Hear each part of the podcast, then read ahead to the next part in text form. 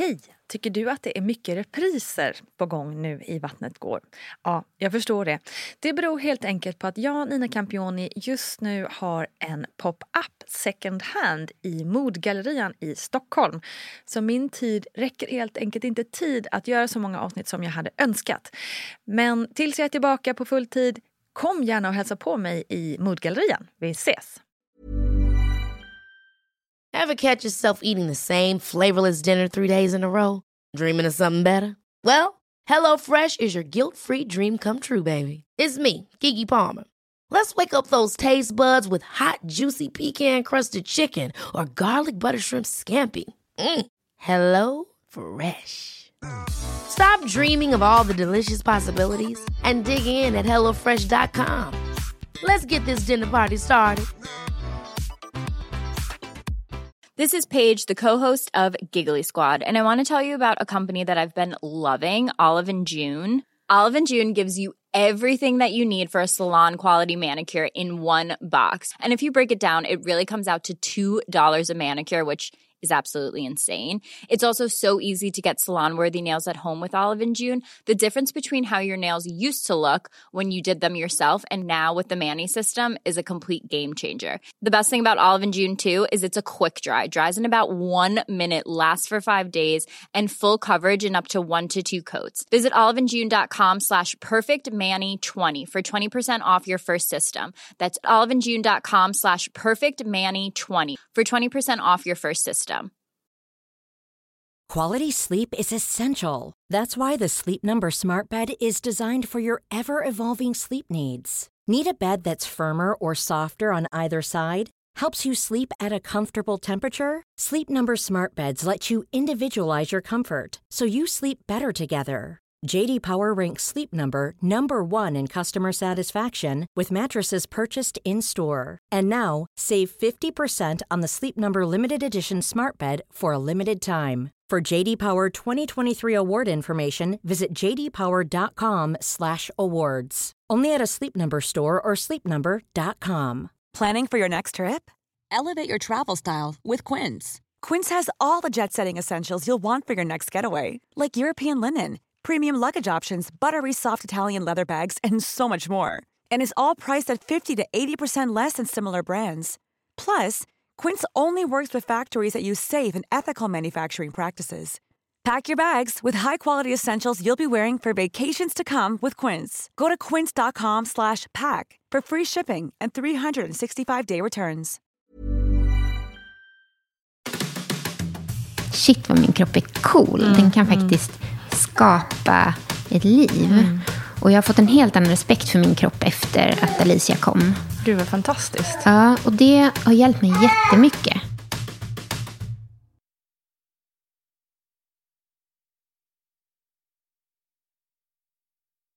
Hej bästa bästa lyssnare och välkommen till vad jag hoppas att ni tycker är bästa bästa podden. Nämligen Gravidpodden Vattnet går med mig Nina Campioni.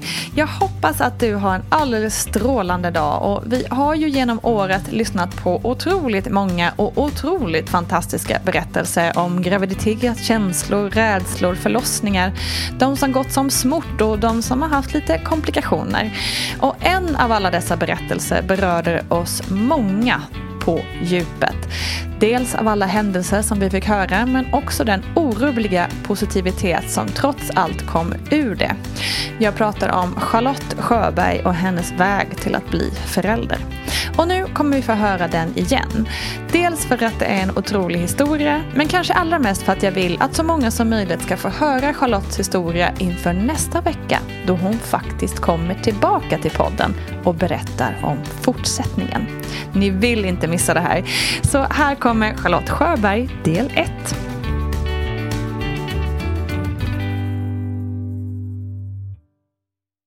Ja, men vi backar bandet här lite, lite längre tillbaka än vad vi kanske normalt sett gör i podden. Ehm, för det är ju så att du sitter i rullstol. Ja. Ehm, och jag tänker att du gärna får berätta om varför du gör det. Mm. Eh, 2012 så var jag med om en fallolycka och föll från ett parkeringsgarage i eh, Atlanta, USA. Och då bröt jag ryggen eh, och fick en ryggmärgsskada. Ryggmärgen gick av vid eh, nionde bröstkotan. Eh, och ryggmärgen är den del utav... Ja, det är ju en knippe nervceller som, som Mm. förmedlar nervsignaler från hjärnan ut till resten av kroppen. Så det innebär att jag har ingen känsel och ingen rörelseförmåga nedanför naveln och neråt. Mm. Midjan ungefär sitter nionde bröstkotan. Ehm, det var en olycka nattetid. eh, och jag rasade ner. Eh, jag vill inte gå in för, när, för nära på detaljer för det kan bli så långrandigt. Men eh, jag rasade ner ifrån sjätte våningen helt enkelt på ett parkeringsgarage. Och gjorde mig illa. Det låter spontant som att, att du ens överlevde. Ja, jo men precis. Läkarna sa ju så från början. De kallade mig på avdelningen där på Grady's Hospital för the girl with the golden wings. för att jag em, klarade mig så bra som jag gjorde och för att huvudet inte tog någon skada. Och Jag fick inte så mycket yttre skråmor. Liksom. Jag bröt ena skuldran och jag bröt alla revben och punkterade båda lungorna. Och sen eh, gjorde jag illa nackkotor förutom ryggkotorna. Och ryggmärgen skyddas ju av eh, kotorna i, i ryggraden. Så det var nära att ryggmärgen gick av vid nacknivå. Och då är det ju så med ryggmärgsskada att man blir förlamad därifrån skadan är och ner. Så det hade ju varit en annan situation då. Hade jag haft en mycket högre skada. Så jag hade tur i, i, eh, i det som hände, absolut. Sen var det ju en lång, lång rehabilitering. Och det tog mig ganska lång tid innan jag var tillbaka på banan igen. Både mentalt och fysiskt och sådär. Ja, för det tänker jag, det måste vara så, alltså, vad, vad är det för tankar som, som far genom, genom en när man är med om något sånt här? Ja, alltså mycket ilska, ovilja att acceptera vad som har hänt. Från början, om jag ska ta det från början, så de första månaden ungefär, då låg jag kvar i USA. För jag hade punkterat lungorna och hade vätska i lungorna och då får man inte flyga. Då fick jag inget definitivt besked, så lever man på hoppet. Läkarna kunde inte säga hur det skulle bli, att det skulle bli permanent. Ehm, när jag kom tillbaka till Sverige och Karolinska sjukhuset så fick jag min prognos. Och den var ju liksom väldigt, ja, som en kalldusch. Du kommer aldrig mer kunna gå. Och då reagerade jag med mycket ilska. Ehm, jag blev lite som någon slags trotsig tonåring som inte liksom vill. Ehm, jag ville liksom inte ta till mig rehabiliteringen. Det var ett stort team runt mig som skulle hjälpa mig att lära mig ta kommando över tillvaron och lära mig bli självständig och lära mig liksom leva ett aktivt, självständigt liv i rullstol, vilket går alldeles utmärkt. Men från början så hade jag väldigt svårt att ta till mig deras hjälp, för det var precis som att ja, men jag sa väl liksom nej till det som hade hänt. Ehm, det tog mig ganska lång tid. Jag var nog en ganska liksom, motvallspatient i början. Ehm, men jag kom till ett väldigt bra rehabiliteringscenter i Stockholm, Rehabstation Stockholm. Och där hamnar personer som får en ryggmärgsskada om man har turen att bo i Stockholm. Och där träffade jag väldigt mycket andra personer som hade brutit ryggen eller nacken före mig och som kunde visa på att de levde ett bra liv. Och Många hade familj och bra jobb och reste jorden runt och allt sådär. Så med hjälp av det, så med tiden, så kunde jag ändå liksom se framför mig att okej, nu är det liksom nya spelkort och då får jag väl helt enkelt gilla läget och försöka göra det bästa av det här.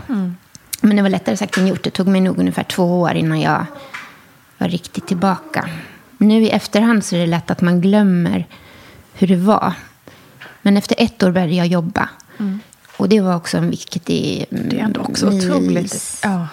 Ja. men det, liksom, det var viktigt att kunna få vardagen att rulla Ja. på något sätt. Och ha ett jobb att gå till och upp på morgonen och sådär. Jag tog över en hund också i samma veva. Och det var också Mm. rätt bra för mig. Jag hade någon att ta ansvar för. Sådär.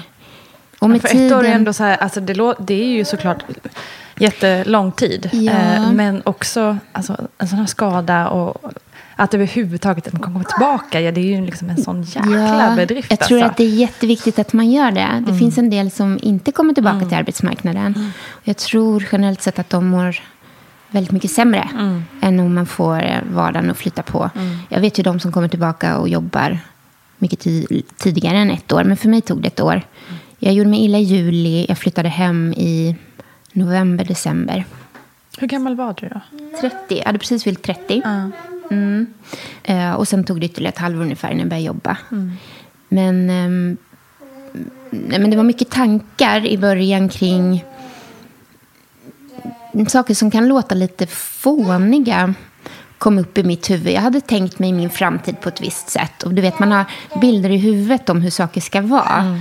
när man gifte sig och så vidare. Andra situationer i livet som jag hade liksom målat upp i huvudet hur det skulle se ut. Och jag vet att i början så tänkte jag mycket på det. Att hur, hur ska det se ut när jag gifter mig? Jag kommer inte kunna liksom skrida fram till altaret med en klänning så som jag hade tänkt mig med släp. Och så här, allting liksom kastades omkull. Och då bodde jag på Kungsholmen bodde granne med en bröllopsbutik och bröllopsbrudkläderna hängde där i skyltfönstret. Och varje Som gång jag gick hån. ut så kändes det som ett hån. Liksom. Ehm, jag tänkte mycket på hur det skulle... Jag hade också liksom alltid haft som bild i huvudet att jag skulle doktorera. Och när man gör det på Karolinska institutet så eh, då får man gå ner i Blå hallen för den här trappan som man ser på Nobelfesten. Tänkte jag också, det kommer jag aldrig kunna göra. Det kan låta lite fånigt, men det var många sådana saker som jag hängde upp mig på. Jag tycker inte alls det låter fånigt. Det känns ju helt rimligt. För det är ju saker man tänker sig framför sig och ser tydligt Ja. framför sig. Det är inte alls konstigt om det. Och det var mycket liksom självbilden om vem jag var. Kunde jag liksom inte få ihop med en rullstol. Jag är ändå uppvuxen kan jag säga med en syster som hade en... Hon hade ett ganska betydande hjärtfel, vilket innebar att hon använde rullstol ibland när vi gick långt och så. Så jag är inte helt obekant med det. Det. Eh, Jag brukade låna den av henne när jag var liten. Och via henne så har jag träffat, liksom, växt upp och träffat personer med olika typer av funktionsnedsättningar. Så det är inte det att det var helt främmande, men jag kunde inte få ihop det med mig själv. Och jag levde ett ganska aktivt liv. Jag red, jag åkte mycket skidor och var ute mycket i naturen och sprang. Och jag eh, var en ganska aktiv person. Så jag hade svårt att få ihop det med vem jag var.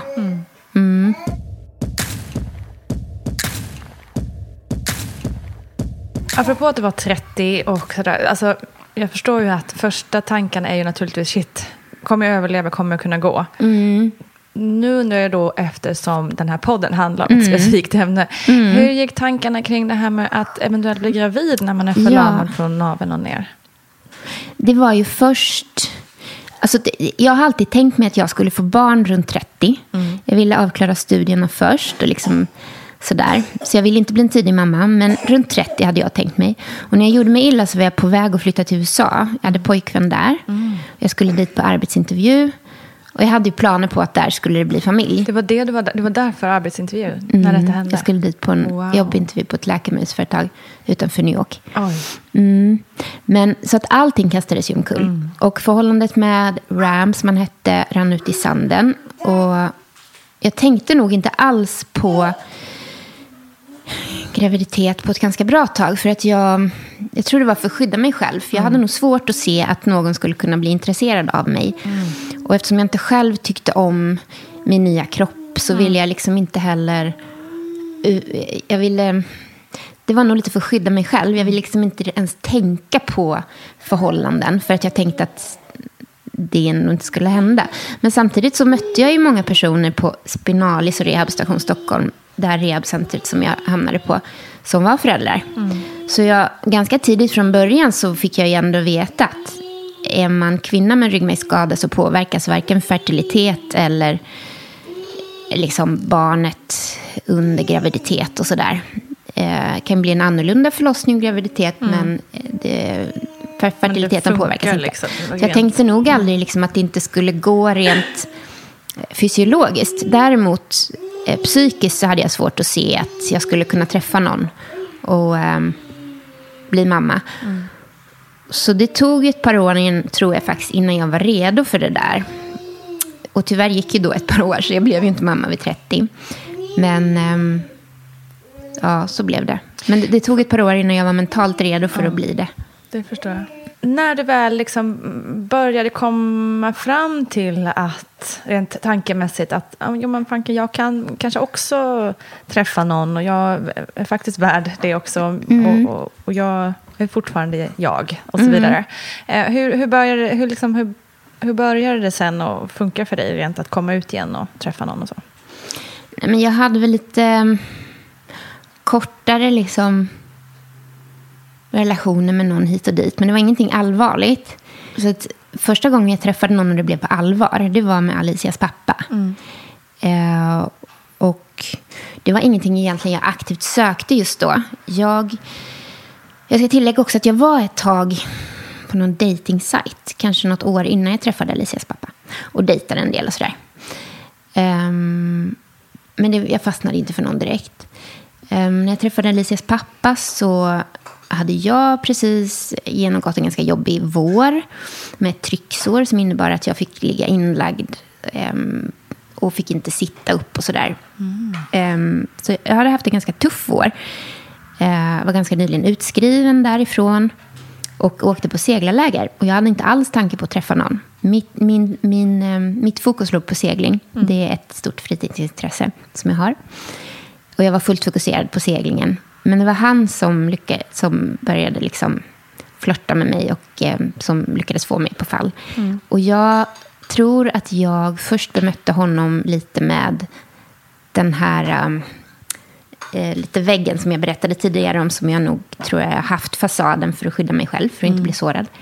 Men han lyckades bryta sig igenom den, så att han, em, han jobbade på det här lägret. Och jag eh, seglade. Han jobbade med båtar.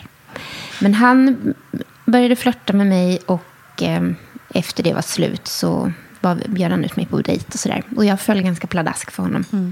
Härligt. Ja, Det är lite var- roligt också sådär. Ibland är det ju verkligen så att när man, när man minst anar det. Ja, Men också när man slutar leta. När man slutar leta, ja. Ja, exakt. då kommer det till Man bara, nu ska jag verkligen fokusera på något helt annat. Ja. Och sen så, poff. Ja, det är precis som du säger. Jag hade fokus på något helt annat. Hur gick eh, ert snack där? När började ni prata om barn? Och... Alltså han, han frågade mig ganska direkt. Jag blev först lite förvånad. För vi var bara på första andra dejten som han frågade mig om mina framtidsplaner och vad jag drömde om. Och om jag inte drömde om barn. Och jag bara, Han var lite sugen med andra ord. jo, jo, det gör jag väl, svarade väl jag. Men jag ville liksom inte verka för på. När vi träffades var jag 35. Han var ett år yngre än mig. Och man har inte jättemånga år på sig. Så jag var nog ganska tydlig med att jo, jag vill ha barn. Och han pratade om att han drömde också om det när det väl liksom kändes rätt och sådär. Men vi pratade mycket om drömmar och så. Alicia var inte planerad. Nej, Okej. vi blev ganska överraskade båda två. Men, men vi pratade ju om att vi ville ha barn någon gång i framtiden. Men ingen av oss trodde väl att det skulle gå så lätt. För jag får nog backa tiden lite. Jag ska inte låta det här bli för långrandigt. Men för att gå in på det här med barn så är det väl så här att jag var inte helt övertygad om att jag skulle kunna bli mamma. Eh, och det beror inte på min ryggmärgsskada, men det beror på att jag levde under tio års tid ungefär med anorexi. Ah, okej. Ja, det är från jag var intressant. Ja. Mm. Och ätstörningar påverkar ju, kan ju påverka förmågan att bli gravid. Och jag var ganska rejält sjuk i anorexi och höll på att stryka med. Och då fick jag höra att du ska veta det, att det inte är självklart att du kommer kunna bli mamma. Och när jag, när jag var sjuk i ätstörningar så brydde jag mig inte så mycket för att man blir så konstig. Man, bryr, ja, man bryr sig inte om så mycket av det man tycker är värdefullt nu. Man bryr sig bara om att kunna ha kontroll över kroppen och ätandet och sådär. Men i efterhand sen så tänkte jag att för- då fick jag en väldigt oregelbunden mens. Eller jag hade ingen mens under tio år. Men när den väl kom igång så var den väldigt oregelbunden. Så jag hade nog fått för mig att det här skulle nog bli väldigt svårt för mig. Ja, men det är så intressant det här med anorexi. Just att det, men som du säger, man, det är ingenting man bryr sig om. vid- inte när man, är, i, det. Eller jag gjorde inte det i alla Nej. fall. Men det, vi har pra, jag har pratat lite med, det med, med väninnor och sådär. Och det är så många som har mått dåligt av anorexi eller buli- bulimi Mm. eller vad det nu kan vara. Och att det faktiskt är... Alltså, det är nästan så att det, finns kanske ingen forskning på det, men det är nästan så att man undrar om det liksom... Apropå att det är väldigt många som behöver ha IVF och så vidare. Ja. Just att det kopplingen där. Ja, det om kan man ju har haft påverka. problem med det här tidigare. Mm. När började det för dig? För mig började det i 15-årsåldern. Mm. Och jag hade det i två skov. Först hade jag det i 15-årsåldern, första året på gymnasiet. Fick hjälp och blev bättre, men inte helt bra. Gick över lite grann i bulimi också. Mm. Sen fick jag ett skov till när jag började studera på universitetet och flyttade till Göteborg. Höll ut några år, men då blev jag rejält dålig. Så då höll jag på att stryka mig. Och då har jag behandlats på slutenvård och sådär under tvång under flera år. Oj. Så, ehm, men jag lyckades ta mig ur det till slut. Men jag kan nog inte säga att jag blir frisk förrän... Om man nu blir frisk någon gång. Det finns fortfarande spöken i huvudet. Men, men liksom symptomfri blev jag kanske i 28-årsåldern. Så det- jag hade, ja, det var liksom... Um, det är ganska många år. Mm. Hur ser du på det, liksom, att det är så många år som... som alltså. Ibland tänker jag på att de har gått till spillo. Ja. Verkligen tänker jag på det. För det där mellan 20 och 30 när alla liksom, folk gör så mycket. Jag har förvisso rest mycket och jag har gjort mycket jag också. Men jag har alltid haft liksom, ätstörningen som någon slags ryggsäck som har påverkat i princip allt jag har gjort. Och gjort att jag blev ganska ensam och isolerade mig och inte umgicks med folk utan bara kontrollerade liksom. Anorexi handlar ju så fruktansvärt mycket om kontroll och, och så. Kopplar du det någonting till, jag tänker i och med att du sa att du kom tillbaka i samband med att du började plugga och sådär. Ja. Alltså prestationskrav och ja, så, eller? Ja, men det tror jag. Absolut. Det gjorde det, tror jag. Jag pluggade apotekarlinjen i Göteborg. Det var ganska tufft. Prestationskrav och så. Bodde ensam. Och, och också när jag blev sjuk första gången så bodde jag ändå hemma och hade en familj runt mig som ändå på något vis kunde sätta någon form av stopp för hur långt det kunde gå. Men när jag bodde ensam så fanns ju ingen som kunde sätta stopp. Så, att, så då höll det på att gå riktigt illa. Jag hade väl ett BMI på runt 10 eller något sånt där eller nio. Och det, det är illa. Men det gjorde, jag vet också, alltså anorexi finns så många bottnar i det, men på något vis är det att, är, för mig i alla fall så handlar det lite grann om att slippa ta ansvar och gå tillbaka i tiden och bli liten igen. Ehm, för att när man gör sig sjuk, man på ett sätt gör man sig sjuk eh, genom att inte äta och bli alldeles för underviktig. Och då slipper man krav. Då handlar det bara om att man ska bli frisk. Och då slipper man allt annat jobbigt runt om i livet. Så för, mitt liv var, för min del var det nog någon, någon form av oförmåga att hantera livets em, krav. Som gjorde att jag gömde mig i den sjukdomen. Och då var det väldigt främmande för mig att själv kunna bli mamma. För att jag kunde inte ens ta hand om mig själv. Ehm, så att för min del, även om jag blev mamma sent i livet, så tror jag faktiskt inte riktigt att jag var mogen för det förrän jag faktiskt blev mamma.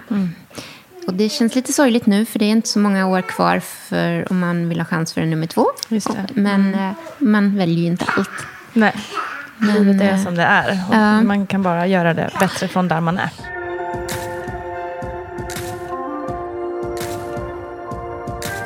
Men jag måste säga att, att, ehm, att, att få en sund eh, inställning till min kropp, det har hjälpt mig jättemycket att ehm, vara gravid och få barn. För det är egentligen första gången i livet som jag kände att jag kunde mm, se på min kropp utifrån funktion. Just det. Eh, kan låta lite bisarrt med tanke på att halva kroppen är förlamad. Men den var ju fullt duglig att producera ett barn. Och eh, att se på kroppen, inte utifrån att bedöma den eh, utifrån utseende, utan liksom efter att shit vad min kropp är cool. Den kan faktiskt skapa ett liv. Och jag har fått en helt annan respekt för min kropp efter att Alicia kom. Gud vad fantastiskt. Ja, och det har hjälpt mig jättemycket. Hur var- Rent om man ser ätstörningsmässigt. Liksom. Eller Hur var det i det, just skev- apropå det, liksom, för när man blir gravid och kroppen växer och växer och det Mm. händer saker som man absolut inte kan kontrollera Nej. ju. Nej. Det är tvärt emot vad liksom anorexia är egentligen. Exakt. Jag var rädd hur var först det? Ja. Mm. för hur det skulle bli. Jag tänkte, gud, nu kommer jag växa och gå upp en massa i vikt. Jag kan inte göra någonting åt det. Men jag tyckte att det var jätteskönt att vara gravid. För att Mm. Vad eh, det var liksom, jag hade någon slags... Eh, vad ska jag säga? Jag hade en anledning till att, att växa. Det Mm. fanns liksom en... en em, det, det fanns ett syfte med att, att jag skulle liksom gå upp i vikt och bli större. Och Mm. Jag kunde liksom... Jag blev inte så nojig med liksom mat och sådär. Utan jag liksom... Nej. Jag Kunde du tyckte att det njuta var, av mat också Ja, liksom? absolut. Eh, jag tyckte det var jätteskönt att vara gravid. Faktiskt. Jag tyckte om det. Mm. Ja. Nu, nu så här, efterhand kanske jag glömmer det som var jobbigt. Det är kanske lätt hänt att det blir så. Det Men det fanns kanske ju jobbiga bitar också. då, Men man- över, överlag så tyckte jag mycket om att vara gravid. Mm. Gud vad härligt. Ja. Och det var ju också graviditeten som hjälpte mig liksom igenom nästan den värsta, ja, Mm. liksom sorgen efter Alicias pappa och så. Ja, vi ska gå in på det också. Ja. Det känns som att du har fler, så många liv i dig. Förlåt, nu skrattar jag nästan, men det är inget att Ja. skratta åt. Men um, Nej. du har gått igenom mycket. Nu går Alicia runt här och myser bredvid oss. Så, så himla Ja. söt och glad. Första dagen på förskolan på Ja. egen hand. Just det. Mm. Hur mycket kan ätstörningar, anorexia, bulimi påverka chansen att bli gravid? Det här kan jag inte så mycket alls om men visst vet jag så pass mycket att är det så att kvinnorna har väldigt eh, stora störningar och problemen är grava så leder det till att hormonbalansen för kvinnan också blir störd vilket gör att menscykeln rubbas och eh, till och med att det inte sker någon, någon ägglossning. Och har man inte någon ägglossning då kan man inte heller bli gravid. Så att eh, där får man ju då bara tänka så här att ta kontakt med en psykolog för att få hjälp med sina ätstörningar. Men också att diskutera det här med gynekolog kan vara bra. Du var i vecka... Ja, det var ganska tidigt. Men jag, vi hade precis upptäckt att jag var gravid mm. när Raul försvann. Uh, jag var runt vecka sju. Mm. Mm. Och vad um, hände? Ja, jag och han åkte på motorcykelsemester. Och saken är den att det hände just nu, fast för, för två år sedan. Det är den här tiden på året mm. när det hände. Så det är lite känsligt just nu. Men vi um, åkte på motorcykelsemester tillsammans på hans motorcykel. Uh, Gotland, bodde på Fårö och till Österlen där jag är uppvuxen. Och hade en fantastisk vecka tillsammans. Och det var där som vi upptäckte att mm. hon var på väg. Mm. Jag var jättetrött. Jag har aldrig varit så trött i hela mitt liv. Och somnade bak på motorcykeln liksom, när vi mm. körde. Alltså så här, inte somnade så jag satt och snarkade, men jag liksom så här, mikro... Jag kunde inte hålla mig vaken. Och mådde jätteilla och kräktes och så. Um, och när vi kom hem han hade lämnat, så lämnade han av mig där jag bor, i Enskede. Och han körde hem mot dit han bor, bodde, i Vingåker. Och då, um, han kom på sin motorcykel och det var en man som körde bil, eh, rattonykter, mm. rattfyllerist. Som körde ut ifrån något som kallas för en spansk sväng. Man, det, istället för att göra en direkt vänstersväng så kör man åt höger en loop och så ska man stanna, är stopp, stoppmärke, mm. ska man stanna och se sig om så att inte någon passerar vägen. Men han stannade inte, utan han körde rakt ut framför och mm. de kolliderade. Så är man på motorcykel så har man inte så stor chans mot en stor bil. Liksom. Så han klarade inte sig. Och då, ja, då rasade ju allt och mm. allt blev kaos. Och, och så. Mm. Jag, vi hade liksom precis fått reda på det här. Och, eller på Alicia och sådär. Och vi var så nyförälskade. Mm. Och det kändes liksom som att vi, vi hade pratat så mycket på Fårö på, om nät, kvällarna. Om vad vi planerade göra och mm. hur livet skulle bli. Och han var liksom den bland de finaste människor jag har mött. Han var helt fantastisk. Mm. Mm. Usch ja. Jag saknar honom väldigt ja, mycket. Det förstår jag. Mm. Hur fasen går man vidare när man är ja. precis fått veta att man är gravid och pappan försvinner? Ja. Men jag tror, jag tror just att det var graviditeten som hjälpte mig att gå vidare. För jag tror att jag hade hanterat det här på ett mycket värre sätt om jag inte hade... Alltså, det var ju... En del av honom fanns ju kvar i mig. Mm. Så jag hade ju något att ta hand om mig själv för. Någonting att leva för. Mm. Och vårda. Um, men det var naturligtvis alldeles fruktansvärt. Uh, och det liksom kan jag inte riktigt uttrycka i ord hur det var. För det var ju kaos. Och det var, det var tio, hundra gånger värre än att bryta ryggen. Mm. Um, och bli förlamad. Men samtidigt så hade jag ju då det här lilla livet som växte i magen. Mm. Men jag reagerade mycket med rädsla. För jag var väldigt övertygad ganska lång tid om att eh, graviditeten, att någonting skulle gå fel. Ja. Att jag skulle få missfall. Det tänkte jag väldigt länge. Mm. Jag tänkte att om någon liksom kan... Han kysste mig jag här i hallen och två timmar senare liksom så fanns han inte mer. Och om någon kan bara ryckas bort på det sättet så varför skulle då det här livet liksom... Och jag som har läst mycket medicin och biologi vet ju hur otroligt komplex utveckling från embryo till faktiskt ett barn är. Mm. Så jag tänkte att det finns så många steg i den här utvecklingen som kan gå fel. Mm. Så chansen att det kommer gå bra är minimal. Så tänkte jag. Mm. Ja, det ju, går ju faktiskt bra i de allra flesta fall. Mm. Men det är nog eh, många, så tänker nog väldigt många också, som Ja. ändå inte har ditt bagage, om man säger. Ja, Så jag var så himla rädd för att... Mm. Jag har en gång faktiskt tidigare i livet varit gravid och fått ett tidigt missfall, något som kallas för missed abortion. Mm. Och då känner man ju inte själv att, man, att fostret dör. Så jag gick väl omkring en fyra veckor ungefär och trodde att jag var gravid. Och kroppen, trodde, eh, kroppen eh, betedde sig som att den var gravid trots att fostret var dött. Och därför så kände jag att jag inte heller kunde lita på att, även om jag, jag mådde jätteilla ungefär i 20 veckor. Och så, då kan man ju tänka så här, så länge jag fortsätter göra det så kan jag vara säker på att jag är gravid. Men jag litade liksom inte på att kroppen ehm, gav mig rätt signaler. Men jag hade en bra barnmorska eh, och en bra läkare som lät mig gå på ganska täta ultraljud. Så jag eh, gick dit. Ett tag var jag nog där nästan varje vecka och fick titta och lyssna. Och de hade förståelse för att jag var tvungen att ha någon form av kontroll.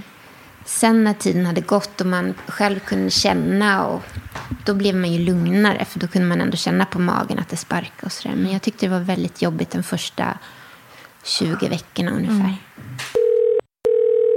Vad är en missed abortion? Eh, Missed abortion innebär att fostret har dött under tidig graviditet men inte stötts ut. Man brukar också kalla det för ett ofullbordat missfall. I detta fall så först så undersöker man ju då med hjälp av ultraljud för att verkligen se då att, eh, att fostret är dött och sedan diskuterar då med en gynekolog på vilket sätt ska, ska det här fostret komma ut så att säga. Och det kan ske antingen med hjälp av hormoner eller att man hjälper till med en skrapning eller alternativ att kvinnan avvaktar och ser om kroppen tar hand om det här själv. Det är så som jag tänker. Hur går tankarna också? För jag tänker, alltså, dels har du ju varit med om så otroligt mycket redan i ditt liv som är tufft. Och så kommer det här.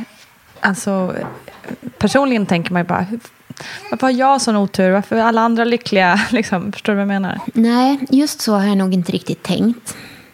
Jag tänker att man också tyvärr blir lite krass.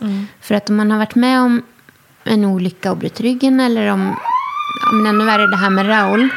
Man inser också att livet är, det, det, det finns liksom ingen bakomliggande rättvisa i livet. Utan att saker händer och ofta handlar det om en slump. Och ehm, ibland kolliderar liksom tid och plats på ogynnsammast tänkbara vis.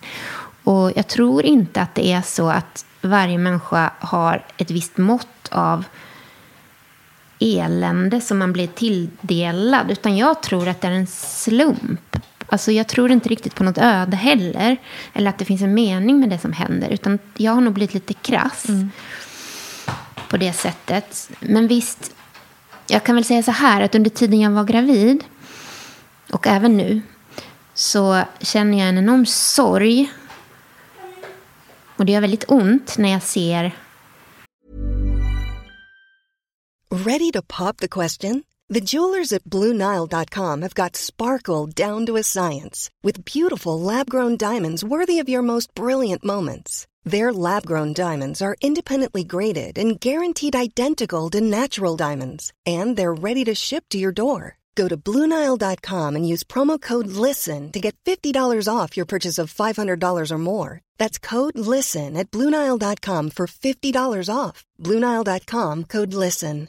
I'm Sandra, and I'm just the professional your small business was looking for. But you didn't hire me because you didn't use LinkedIn jobs. LinkedIn has professionals you can't find anywhere else, including those who aren't actively looking for a new job but might be open to the perfect role, like me.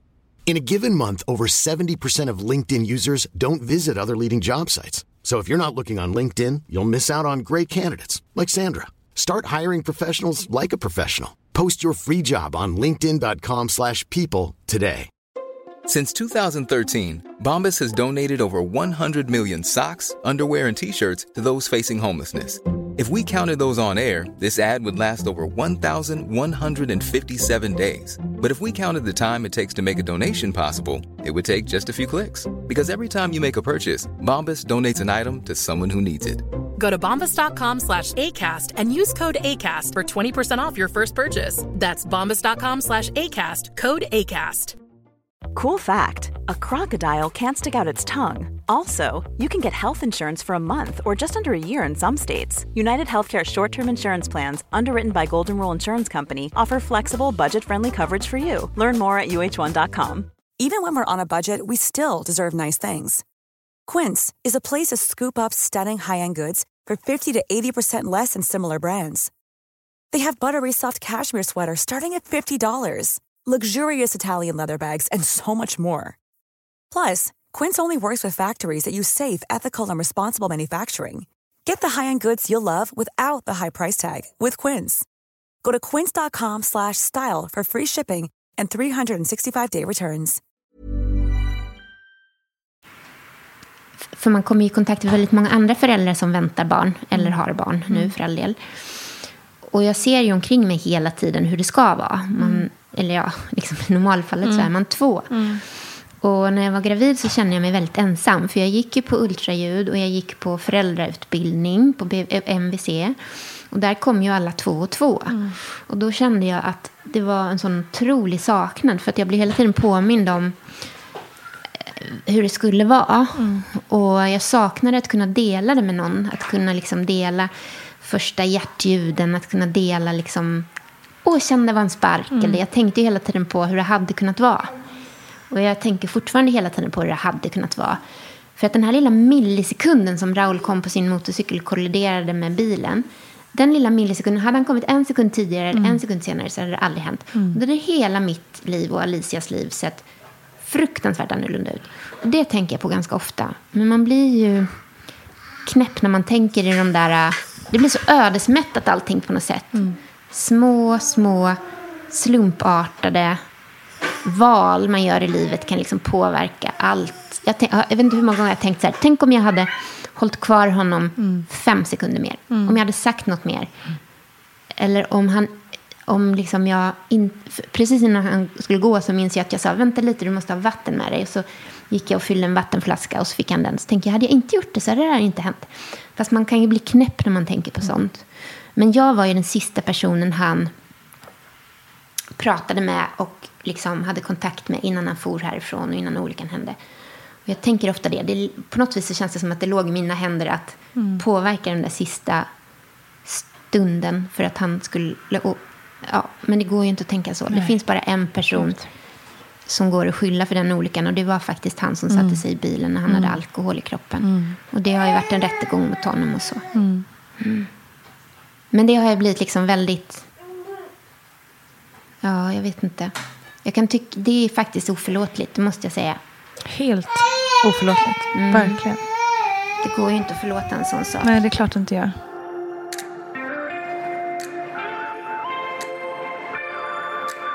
Raul donerade sina organ när han hade gått bort. Mm. Ehm, och det är någonting som jag tycker är helt fantastiskt för det första att man kan göra. Mm. Eh, och sex personer, vi fick reda på i efterhand, inte vilka personer men vilka diagnoser de hade och hur gamla de var. Och sex personer blev liksom hjälpta Ja, till ett nytt otroligt. liv tack vare honom. Mm. Och det är något som jag ska berätta för Alicia om när hon Mm. blir lite äldre. För Mm. Jag kommer vara ganska noga med det, att hon ska veta vem som är hennes pappa och Mm. ska berätta om honom och vem han var, vad han hade för drömmar och vad han tyckte om. Och Mm. Visa bilder. Vi har en bild här på Mm. honom. Och hon, hon, eh, när man frågar henne var pappa är så pekar hon på honom. Mm. Och nu har de bett oss på förskolan att, att man ska ta liksom bilder och göra ett collage med personer som är nära barnet. Som de kan ha och ta fram ifall de blir lite ledsna och så. Mm. Och då är han med såklart. Så jag ska försöka att inkludera honom i hennes liv. Även om han liksom inte fysiskt kommer vara här. Så Mm. kommer jag vara noga med det. Och sen vill jag ju såklart inte att hon ska växa upp i kölvattnet av en tragedi och känna Mm. av det. Liksom.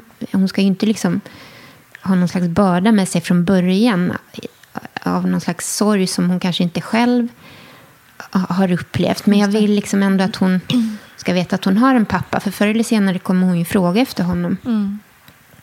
Och han finns ju liksom i vårt liv även om, även om han inte är här. Ja, vi ser, jag ser ju bilden här väldigt centralt i rummet. Ja. Mm. Alltså jag kan säga när jag var gravid, jag tror att mycket av sorgen tror jag att jag fick utlopp för. Har det gått två år, men jag var gravid den där hösten.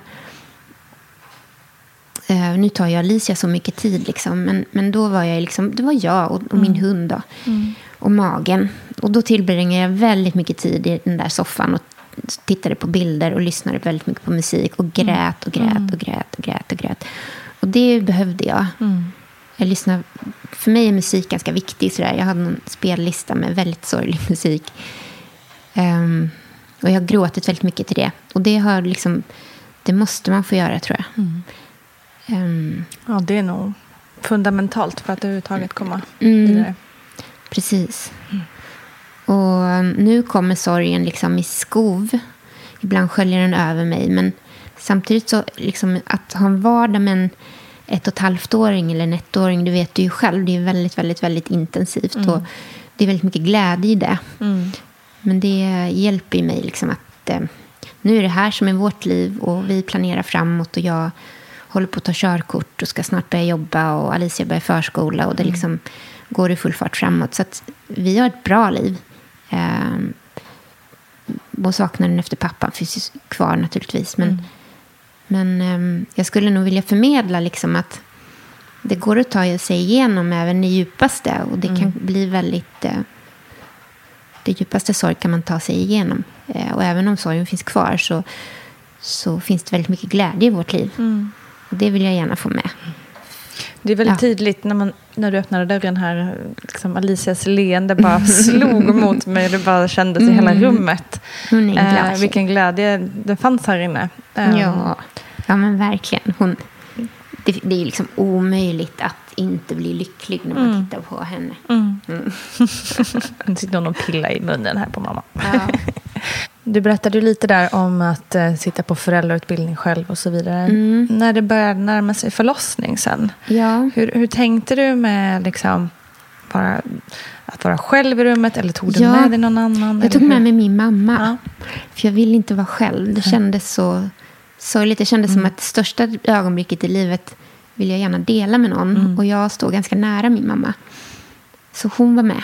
Eh, en annan vän också, som het, också heter Charlotte, hon var med liksom eh, innan förlossningen. under de här jobbiga timmarna.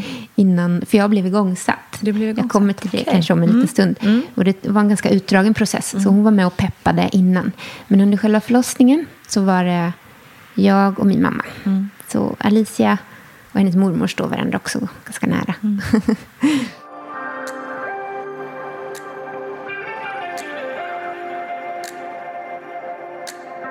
Ska, vi, ska vi gå på förlossningen då kanske? Ja, ändå? det tycker jag. Ja. Det jag. Jag var ganska orolig på slutet av graviditeten eh, för att jag inte skulle kunna känna av Mm. verkarna. För jag har ju inte samma... Jag visste inte hur det skulle kännas. Och jag har inte samma känsel som du eller de flesta andra.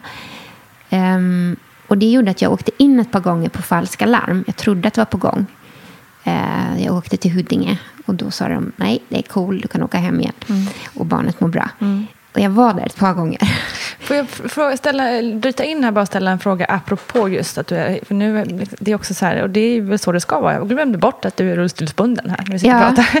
ja. Så därför tänkte jag bara höra, hur, hur pass liksom förberedd tycker du sjukvården är på att eh, ta hand om dig som är rullstolsbunden? Jag tänker att liksom, lägga sig på britsar eller eh, sätta sig på speciella Där- stolar eller vad det Ja, kan precis. Där eh, får man vara ganska mycket på själv. Mm. Jag fick själv tala om vad jag hade behov av. Eh, och det sa jag nog dels till min mödravård.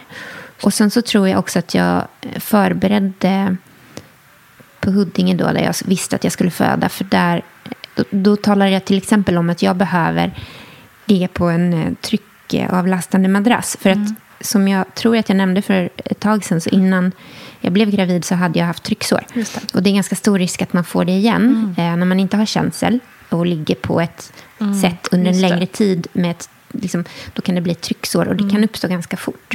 Så dels en trycksavlastande madrass och sådär. Så jag hade nog själv sagt till om det. Jag skulle nog säga att sjukvården inte har jättebra koll på vad eh, ryggmärgsskada är eller kommer man i rullstol och sådär. Men det finns, jag återigen har jag turen att bo i Stockholm. För här finns det en förlossningsläkare som heter Karin Pettersson. Som är i Huddinge. Och hon eh, har stenkoll på ryggmärgsskador.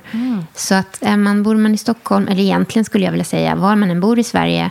Har man ryggmärgsskada och blivit gravid så på något sätt så kommer man oftast i kontakt med henne. För det är många som frågar henne, som har henne som bollplank. Eh, som ringer henne och frågar sig. Mm. För hon har varit inblandad i väldigt många ryggmärgsskadade kvinnors förlossningar. Så jag gick hos henne. Jag gick på- hos en van, på ett vanligt eh, MVC. Men så, så träffade jag henne ett par gånger. Och hon förberedde mig. Och jag minns mycket väl, hon är så cool. Hon får en verkligen att känna sig avslappnad. Jag vet att först, bland de första gångerna jag träffade henne så var jag ganska orolig. Så sa så här, hörde du Charlotte, jag är mycket mer orolig för kvinnor som kommer in hit med högt blodtryck och deras förlossning än vad jag är för dig och din förlossning. För att en ryggmärgsskada är väldigt eh, omständig och krånglig och besvärlig att ha. Men den påverkar inte barnet. Och den påverkar liksom inte... Alicia mådde alldeles prima i magen. Just. Eh, och de flesta kvinnor med ryggmärgsskada... Nu ska jag inte säga för mycket, men det går alldeles utmärkt att föda vaginalt. Ehm, så de flesta gör det i Sverige. I USA vet jag att eh, man gärna vill eh, snitta. Just det. Men, det vill man ju överlag. Det vill, ja, det vill man överlag i USA. Ja. Men eh, det- var skönt att höra henne säga de orden, tyckte jag. Ja. Hon var mer orolig, orolig för folk med högt blodtryck. Ehm, så hon, hon var inblandad och hon är i Huddinge. Det var därför som jag födde i Huddinge. Eh, så de var ganska väl förberedda när jag kom. Det var de. När jag väl kom och det var dags. För att det. det. var nämligen så här att jag åkte in ett par gånger eh, på Falsta larm. Och eftersom jag bor ensam så var jag lite rädd för att jag skulle vara ensam hemma. Och så skulle det sätta igång och så skulle jag inte riktigt förstå att det Men hade satt precis. igång. Och så, Exakt. Jag var liksom lite orolig. Det är fullt förståeligt känns det som. Ja. Ehm, och jag hade lyssnat på jättemycket förlossningspoddar. Din podd hade jag lus-lyssnat på varenda avsnitt. typ två gånger per avsnitt. Och andra poddar som handlar om förlossningar. Så jag hade lyssnat mycket på folks förlossningsberättelser. Och så tänkte jag, hur ska jag kunna känna det här? Men då blev det som så att jag hade jobbat, eh, hade en tid hos Karin efter jobbet och åkte direkt från jobbet till Karin, eller i Huddinge. Min förlossningsväska, eller BB-väska, var packad där hemma. Hunden var hemma. Jag var inte alls beredd på... Jag skulle ju åka hem efteråt, gå ut med hunden. Men då sa hon som så när jag kom dit klockan två på eftermiddagen att nu blir du kvar här. Och då så sa jag nej, det här har jag inte alls tänkt.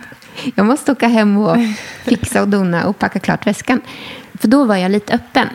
Sen hade jag även haft ganska mycket urinvägsinfektioner under graviditeten. Och det är en av de sakerna som det kan bli lite problem med när man har en ryggmärgsskada. Ehm, och det kan ju framkalla lite för tidig förlossning. Eh, och då var lite olika. Vilken vecka var du nu då? Nu var jag en vecka innan BF. Ja. Mm. Och då så sa hon att nej, men det är lika bra att vi sätter igång dig. Så då gjorde de det. Mhm. Så det var en torsdag. Mm. Och då blev jag inlagd där. Och jag tror faktiskt att mamma var på väg upp med tåget. För jag hade ändå sagt till henne att jag vill nog att du kommer nu. Så att du är med mig sista veckan. Mm. Så hon satt på tåget och då ringde jag och sa att du måste åka hem och gå ut med Gucci. och ta BB-väskan och komma hit. För nu får inte jag komma hem mer. Ehm, så det blev lite, lite logistikproblem där. Men Tur att de ändå var på väg då. Ja, precis. Det var det. Ehm, den första barnmorskan jag träffade tyckte jag inte om. Och så tänkte jag så här, då frågade jag hur dags hon slutade och då sa hon att hon skulle sluta klockan sju. Så tänkte jag, bra, för innan dess tror jag inte att jag kommer föda. för att det första hon berättade för mig, det var en äldre dam, det var typ hur dåligt insatt hon var och att hon inte visste var köket låg eller toaletten låg, för hon hade, var nästan aldrig där. Hon var någon form av vikarie bara. Så tänkte okej. jag, det där är inte så förtroendeingivande. att hon inte hade någon koll. Bara, hej, jag vet inte vad jag gör. Jag ska Nej. bara ta hand om dig lite. Ja, precis. Jag kände usch. Men när hon hade gått av så kom det sen, jag tror att jag hann av, avverka fem barnmorskor. Oj, oj. För det tog ett och ett halvt dygn innan Alicia kom. Ehm, och de var fantastiska alla fem. U- rätt unga tjejer, hyfsat nyexaminerade. Flera av dem hade gått i samma klass. Eh, och de var helt underbara alla fem. Så det, det var många där. Och var alla sa så här, jag är helt säker på att hon kommer innan jag går av mitt pass. Jag är helt säker på att hon kommer innan jag går av mitt pass. Attans, nu kommer hon inte. Och så sa de så här, men vi kommer tillbaka på måndag, då måste vi få se. Men jag upplevde det som att det var ganska jobbigt att bli igångsatt. Mm. Ehm, jag, kom, ja, jag liksom fick väl mitt rum där på eftermiddagen, på torsdagen. Eh, och så började jag få Sutotek på kvällen. Och så fick jag det hela natten, en gång varannan timme för mig. Jag var vaken hela natten förstås. Och trodde väl då liksom att nu kommer det sätta igång här. Det. Men det gjorde det inte. Och sen på morgonen så fick jag en sån här ballong för att jag skulle vidga mig. Hjälpte inte heller så mycket. Jag var liksom lite öppen, men inte, jag kan inte komma ihåg exakt hur mycket öppen jag var. Men det var absolut inte tillräckligt. Och sen gick hela den dagen där, hela fredagen gick.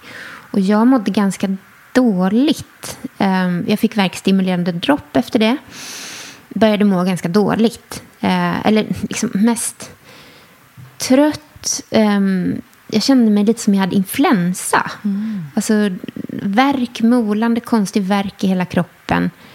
Och trött och frusen och ruggig och, och liksom bara allmänt kyvens liksom. Eh, och jag hade inte de här, eh, den här smärtan som jag kan vara lite avundsjuk på. Att jag, Att inte fått känna. att jag inte liksom. fått känna. Den här, alltså att man skriker. Utan jag hade mer bara en sån här allmänt, usch vad jag tycker att det här är obehagligt. vad jobbigt det här är och vad ont jag har i hela kroppen. Fast jag liksom hade inte en specifik smärta som kom och gick. Ehm, och så fick jag verkstimulerande dropp. Och då, började, då satte de även en elektrod på Alicias huvud. Och det tyckte jag var ganska obehagligt. Jag, då fick man ju då en skärm bredvid mig. Där jag hela tiden kunde, man hörde hennes hjärtljud. Och de hörde mig väldigt tydligt bredvid sig hela tiden. Och då eh, var de ganska oregelbundna. Och du vet, liksom, de, de är, blir det när man har verkarna. Verkarna väl började sätta igång. Och liksom blir oregelbundna. Och ibland tyckte jag de höll uppe för länge. Och, så där. och då fick jag panik ett par gånger och skrek. För jag tänkte, nu dör hon. Ja, gud. Men på kvällen där så började det ändå hända saker. Alltså ett dygn senare då, eller? Ja, precis. Jag kom dit torsdag eftermiddag. Fredag eftermiddag, fredag kväll började det hända. Ehm, och då, Charlotte och mamma var där och sen så åkte Charlotte hem. Och då var det jag och mamma kvar till slut. Men sen, och jag kände ett slag så här, jag kommer aldrig liksom orka ens titta på barnet när hon kommer ut för jag är så trött, jag mår så dåligt. Det var ett par olika läkare inne. De hade, jag kände lite så här att de, det inte var någon som hade koll. Men egentligen hade de ju koll, för de hade ju tv-skärmar och de satt ju liksom i ett rum intill och hade stenkoll på mig. Men jag Men upplevde ensam, det som eller? att de inte hade koll. Ja. Och i efterhand så önskar jag att de hade varit lite tydligare med det och sagt Mm. så här, nu är vi si och så mycket personal här. Det finns två läkare Mm. på avdelningen.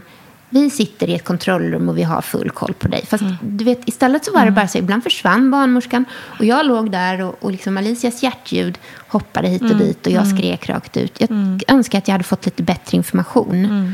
om liksom, så här är det nu. Hade du gärna också haft en barnmorska hos dig hela tiden? Hade du velat ha Ja, det? jag tror det. Um, nu hade jag i och för sig mamma hos mig, men vet, mamma blev ganska skärrad också. Ja, det är klart. Hon var himla orolig över mig. Jag tror att hon innerst inne kanske betvivlade att det här skulle gå bra. Liksom en ryggmärgsskada och kommer jag kunna krysta och allt sånt där. Det var någon som var inne på, Åh, ska ni inte liksom ta ut, alltså plocka ut henne? Ehm, Ja, var, det var det något alternativ för dig? Eller? Mm, nej, alltså i allra, allra högsta, eller i, så långt det går försöker man ju att det ska bli en vanlig förlossning. För det är ju mildast för kroppen och för barnet och allting. Men hon tog sin lilla tid på sig att komma ut den här tjejen. Men till slut började det i alla fall röra på sig. Och då vet jag att när hon, hennes huvud skulle passera spina, heter det va? Spinalväggarna, Spinal- tror jag? Ja, Eller tapparna, där, liksom, taggarna? där det liksom är som trängst. Mm. Då mådde jag riktigt tjuvens. Och det är tydligen inte helt omöjligt. Nej, det är väldigt många som kräks i samband Ja. med det. Mm. Usch, jag tycker det var hemskt. Jag tänkte nej. Om jag ska må så här när hon kommer ut så kommer jag liksom inte ens orka titta på henne. Men känner du någonting då där, alltså i kroppen där nere, om man säger där du är förlamad egentligen? Nej, jag har ju ingen känsla nedanför min Nej. skada. Men jag kände mer som en allmän påverkan. Mm. Och det märkliga är, jag kan ju liksom ha mensvärk, molande Mm. värk i magen kan jag ha nedanför min skada. Mm. Det här låter lite luddigt nu. Men jag har ju liksom ingen berörelsekänsel. Och det här liksom när huden ska tänjas ut Jag kan ju bara inbilla mig att det gör någonting fruktansvärt ont. Det kände ju inte jag. Nej. Ehm, Jag kände mer som en... Liksom, jag kan inte placera verken. Du känner att det händer någonting liksom, men inte och det gör riktigt vad ont. det är. Mm. Men jag kan inte peka på var det gör ont. Det är mer som att det liksom är en smärta som sitter liksom på något vis i hela kroppen. Mm. Och den, jag är ganska säker också på att den inte är lika, lika stor som den är em, när man har, när man har känsel. Det är så Ehm, olika också det där. Ja, jo men det är väl det. Men det är väldigt intressant alltså. Men till slut så, de gjorde några manövrar på mig. De lyfte upp mina ben och de sänkte mina ben ett par gånger, barnmorskorna. De kallade det för något specifikt. Men det var för att hennes huvud skulle glida ner lite mer. Eftersom jag inte riktigt liksom kunde... Det låter nästan som en sån här domkraft. Upp och Ja, ner. ja men jag kände mig lite så här, ho- hoppla, hoppla, upp och ner, upp och ner. De lyfte upp benen liksom, och nästan knäna mot magen och sen så Ja, sänkte de ner och så lyfte de och så sänkte de. Men till slut i alla fall när det blev dags att krysta, då var det precis som att all min energi kom tillbaka. Då släppte det där med influensa, frossa, symptom och så. Utan då kändes det som att jag var hur stark som helst. Så häftigt. Och det var så coolt när man väl fick krysta. Och då kom hon på sex krystar. Wow. Mm, och jag tog i så jag var helt slut. Men ehm, Och hur känns då en krystverk i, i Ja. en kropp som är liksom halvt förlamad? de fick säga till mig när jag hade en verk för att magen blev spänd. Ja. Och de kunde se det på instrumenten bredvid. Nu drar Alicia mig i håret. Men jag kunde inte känna när verken kom. Utan barnmorskan fick säga att nu kommer verken, nu krystar du. Mm. Och så fick hon säga nu kan du släppa av, nu kommer den. Och jag Så det är verkligen teamwork där. Ja, Mm. men så här, efterhand så, åh, jag önskar att jag hade känt det där. Och att det hade fått vara som, som det är för alla andra som berättar hur det är. Mm. Men för all del, resultatet blev ju prima. Så det ska jag inte klaga på. Men, ehm, men upplevelsen eh, kan jag ju sörja lite grann. Mm. Ehm, och så kom hon ut till slut. Och eh, då var klockan 19 minuter över två på natten. Mellan fredag och lördag. Den 14 april. Mm. Och hur kändes det? Ja, hon var så fin. Hon var kladdig. Jag vet att jag tänkte så här, kan de inte tvätta henne lite mer? Men hon, hon, ehm, hon var jättefin. Och hon kom upp och började amma ganska direkt, har jag för mig. Ehm, och sen liksom bara låg vi och... Jag vet att hon somnade på mitt bröst. Och så Mm. sov vi så hela natten. Och de mackorna som alla har pratat så mycket om, som är så fantastiska. Jag tyckte överskattat faktiskt. Jag vad? kände mig jag mest också. trött. Ja. Jag drack ganska mycket saft här för Ja. mig.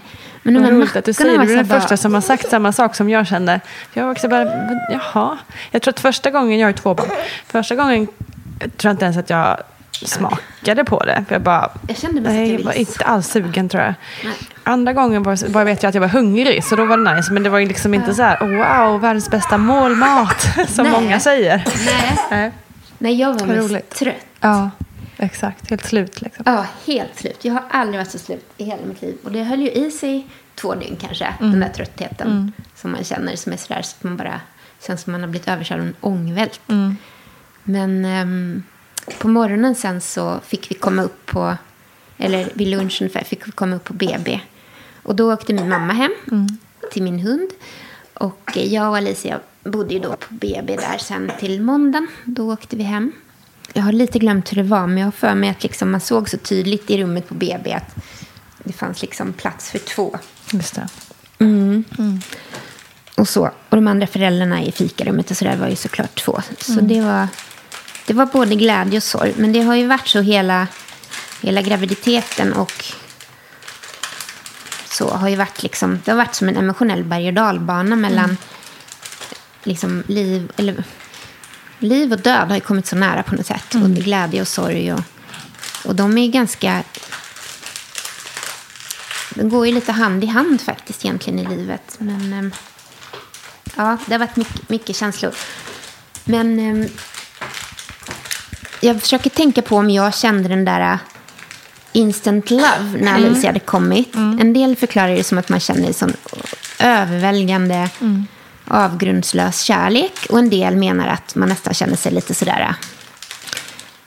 ehm, inte främmande, men lite sådär... Ja, jag vet inte. Ja, men vad var det som hände? Vad är det här för Ja, någonting? precis. Vad är det här för en liten krabat som kommer här? Och jag, jag tror att nog nog älskade jag henne från början. Men jag tror att det djupnade ganska mycket under, liksom, det tog nog ett par veckor innan det hade lagt sig eller grundats på något sätt. Mm. Från början var det ju väldigt konstigt. Jag var nog lite fundersam och nervös över det här med amningen. Och om jag skulle tycka att det var konstigt och obehagligt och så. Men det föll sig väldigt naturligt. Det, jag var ganska orolig innan över att jag skulle typ tycka att det var obehagligt. Men det, det där sköttes av kroppen på något sätt. Det kom väldigt naturligt. Ehm, men sen är man ju jättekänsloladdad i det där Precis. skedet. Och jag kände nog av liksom. lite av den här bluesen också. Eh, som man pratar om Mm. efter några dagar. Och då kom det väldigt mycket känslor om Raoul också. Mm, mm. Det var liksom... Det var lite all over the place om man nu ska citera prins Daniel. Fast liksom både upp och ner. Mm. Ja. Ehm, och jag är väldigt tacksam över att jag hade min mamma med mig. Mm. För jag vet inte riktigt om jag hade... Det hade känts otroligt ensamt att vara helt själv och åka hem själv första dagen och så. Mm. Ehm, men då hade jag henne här och det var väldigt skönt. Så hon stannade någon vecka sen. Mm. Ehm, och jag vet att jag var lite nervös över när jag skulle vara liksom första dagen helt ensam med Alicia och tänka, klarar jag av det här? Men jag tror Alicia har liksom visat mig på något sätt. Det, det, det har inte varit så... Jag har inte behövt liksom läsa på så mycket om hur man ska vara när man är mamma, utan det har fallit sig ganska... Mm. Ni har lärt varandra på något vis? Ja, jag liksom. tror det. Mm. Sen har det ju fått bli lite på... En del saker får jag göra annorlunda. Byta blöja liksom, har jag gjort på ett liksom, så här bara sköt, skötmadrass som jag har lagt på bordet. Och Mm. när hon blev större och började rulla runt så har jag gjort det på golvet. Och vissa saker gör ju jag på ett annorlunda sätt. Mm. Men eh, det har gått bra. Eh, vi, har ju, vi har alltid sovit ihop. Det gör vi fortfarande. Mycket för att ehm, det, det är så omständigt för mig Mm. att upp så fort Såklart. hon vaknar. Liksom. Så att jag har nog försökt ta den lättaste lösningen på det mesta. Det är så man måste göra när man har småbarn. Jag tror har det. jag lärt mig Det är också. komplicerat nog ändå. Minst, ja, precis. Minsta möjliga ansträngning för Ja. att få saker att funka. Ja, Mm. precis. Verkligen. Men sen vintern var tuff tyckte jag. Mm. Då är det rätt så tufft att sitta i rullstol och det är svårt att ta sig Mm. till platser och när det är snö och sådär. Ehm, och det har tidvis varit ganska jobbigt och jag har nog aldrig varit så trött i hela mitt liv. Men det har också varit liksom det mest fantastiska året jag har varit med om Mm. sen hon kom. Eh, det är ju helt fantastiskt att se en sån här liten människa utvecklas. Men vi har varit mycket på öppna förskolan. Och det har lite blivit vår, ehm, ja vad ska jag säga, fasta punkt i tillvaron. Och de lärde jag känna väldigt bra, de pedagogerna som jobbar där. Det är fantastiskt att det finns. Ja, det var jätteskönt att kunna gå dit.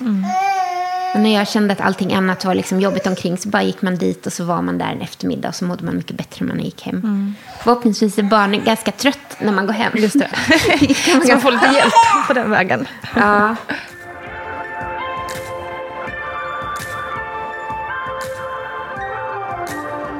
Har du något råd eller tips till eh, någon förälder som kanske, kanske inte går igenom exakt det du har gått igenom men som, som har det tufft? Liksom? Hur ska jag säga då? Jag tror att för mig i alla fall så har det varit så att även om det vissa dagar har känts som man är nere i källaren och liksom det här kommer aldrig bli bättre så, så min erfarenhet är i alla fall det att hur jävligt det än känns så blir det alltid bättre. Ja, men sen är det väl kanske också att ha tillit till sig själv och att man någonstans inom sig vet vad som är bäst för sitt barn. som du hör. Bra bakgrundseffekt till det. Sen tror jag också att ett råd är att försöka att inte jämföra sig med andra. För att det har jag gjort ganska mycket och det slutar alltid i att jag liksom ser alla mina tillkortakommanden och vad Alicia går miste om och vad hon aldrig kommer kunna få och vad jag aldrig kommer kunna göra med henne. Men jag har nog försökt jag har nog kommit fram till att eh, man mår bättre av att inte jämföra sig. Ehm, alla barn växer ju upp med olika förutsättningar och även om jag aldrig kommer kunna spela fotboll med Alicia så det är rätt många föräldrar som kan gå som inte heller spelar fotboll med sina barn som kanske inte har det intresset. Å andra sidan så kanske jag kommer att läsa mer med henne eller ta med henne på Ja, men jag vet inte. Men alla, all, liksom, alla familjer är ju inte lika och jag tror inte att man ska hålla på och jämföra sig så mycket. huvudsaken är att barnet mår bra. Eh, och min uppfattning är att Alicia mår rätt bra. Just nu är hon tokförkyld och trött. Men rent generellt sett så mår hon bra. Och sen är det väl kanske det tredje också det att försöka ta hjälp. Eh, om man känner sig ensam eller om man är trött och är man ensam förälder. Att försöka ta hjälp och våga be om hjälp av, från omgivningen. Men kanske också det, det sista då som jag ändå vill betona lite grann är att det blir, det blir alltid bättre hur, hur illa det än känns. Och man klarar faktiskt mycket mer än man tror. Det, det vågar jag påstå att man gör med facit i hand. Ja, du om någon vet skulle jag vilja säga. Tack så hemskt mycket för att du ville vara med. Ja, men tack själv. Tusen tack Charlotte Sjöberg för att vi återigen fick höra din otroliga berättelse. Alltså vilka känslostormar man går igenom. Men otroligt att positiviteten ändå består. Imponerande och inspirerande. Nästa vecka får du alltså höra fortsättningen på Charlottes historia, för det kommer mera, som man brukar säga. Så kära lyssnare, vi hörs snart igen. Glöm inte bort mammagruppen på Facebook och Vattnet går på Instagram. Vi ses där, kram!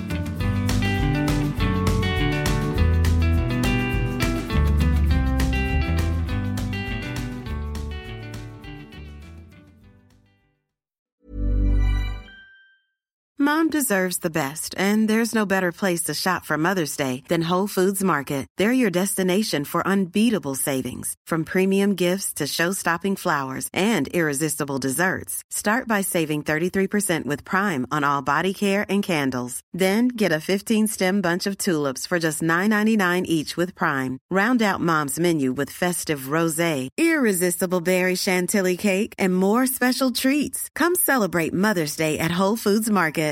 Hi, I'm Daniel, founder of Pretty Litter. Cats and cat owners deserve better than any old fashioned litter. That's why I teamed up with scientists and veterinarians to create Pretty Litter. Its innovative crystal formula has superior odor control and weighs up to 80% less than clay litter.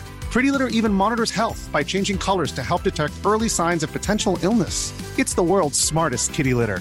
Go to prettylitter.com and use code ACAST for 20% off your first order and a free cat toy. Terms and conditions apply. See site for details.